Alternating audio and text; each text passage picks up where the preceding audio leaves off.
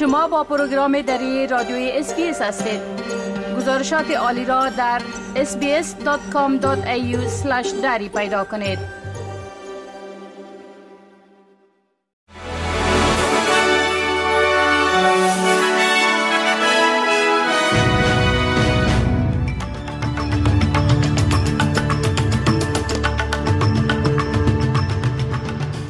با عرض سلام من فضیلت تصمیم شما را برای شنیدن اخبار امروز 23 اکتبر سال 2023 دعوت می کنم.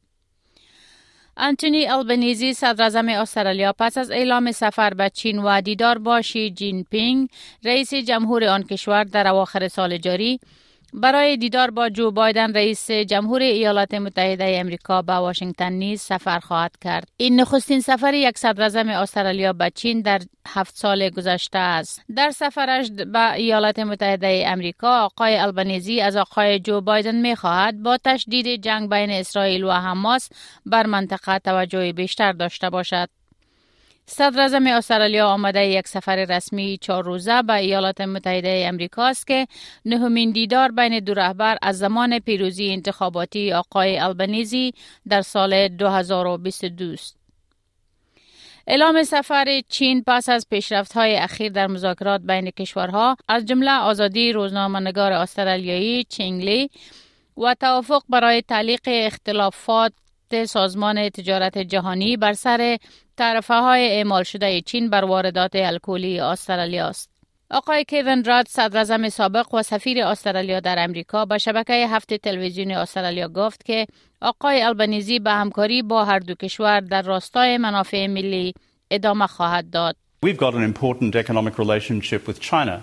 The Prime Minister's determination has been to stabilise the relationship with China. So too is the United States currently seeking to stabilise its relationship with China.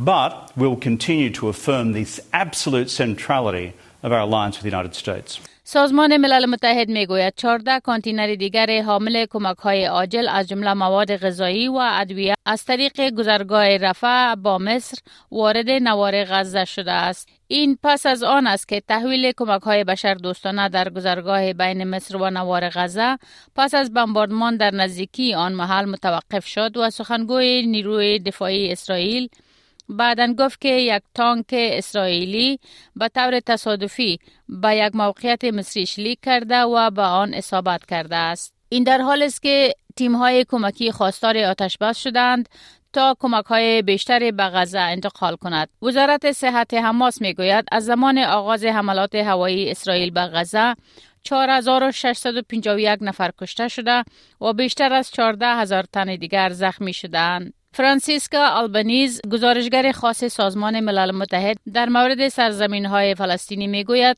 کاروان های بسیار بزرگتری برای کمک به یک میلیون نفر آواره از جمعیت 2.3 میلیونی غزه مورد نیاز است. Before the 7th of October, about 500 trucks were entering Gaza and they were considered not sufficient to meet all the needs of the population. And I'm puzzled by the fact that the international community doesn't come to terms with the fact that there is a need for an immediate ceasefire. یک گزارش جدید نشان داده است که مصارف بلند خریداری غذا عامل اصلی نگرانی در استرالیا است.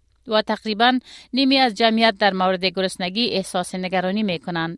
گزارش گرسنگی از اداره فود بانک امسال نشان داده است که 48 درصد از جمعیت عمومی استرالیا در حالی که برای دسترسی مداوم به غذای کافی تلاش می کنند در مورد به دست آوردن غذا احساس استراب می کنند. در این گزارش آمده است که 3.7 میلیون خانواده در 12 ماه گذشته مشکلات به دست آوردن غذا را تجربه کردند که 3 درصد افزایش نسبت به سال گذشته را نشان می دهد.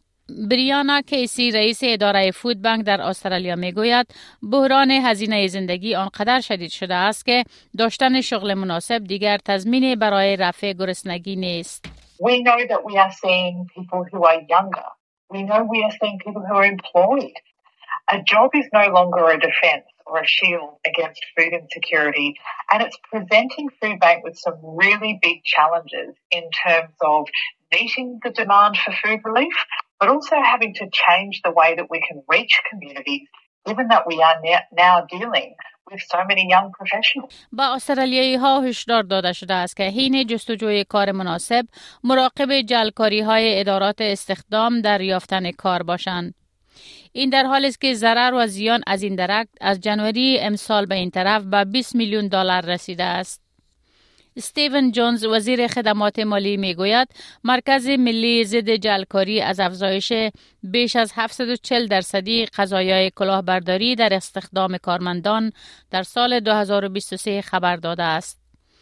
بحران مصارف زندگی باعث می شود بسیاری از مردم در تلاش برای یافتن کار دوم که اکثرا از خانه انجام می شود با این مشکل مقابل می شوند. آقای جونز می گوید که افزایش قابل توجه جلکاری در کارهایی که از خانه انجام می شود عموما از طریق رسانه های اجتماعی با شمول فیسبوک، اینستاگرام و تیک تاک اعلان داده می شود.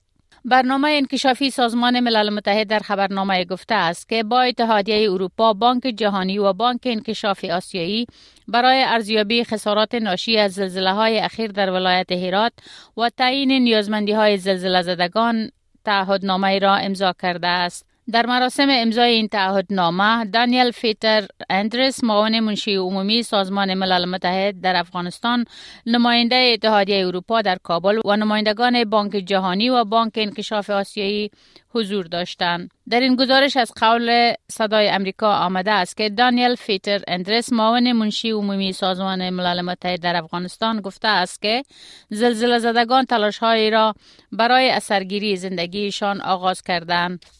او افزوده است آنچه مهم است این است که ما فقط برای جان به سلامت بردن از این آزمایش به مردم کمک می‌کنیم و همچنین به آنها کمک می‌کنیم تا زندگی مختل شده خود را دوباره از سر گیرند.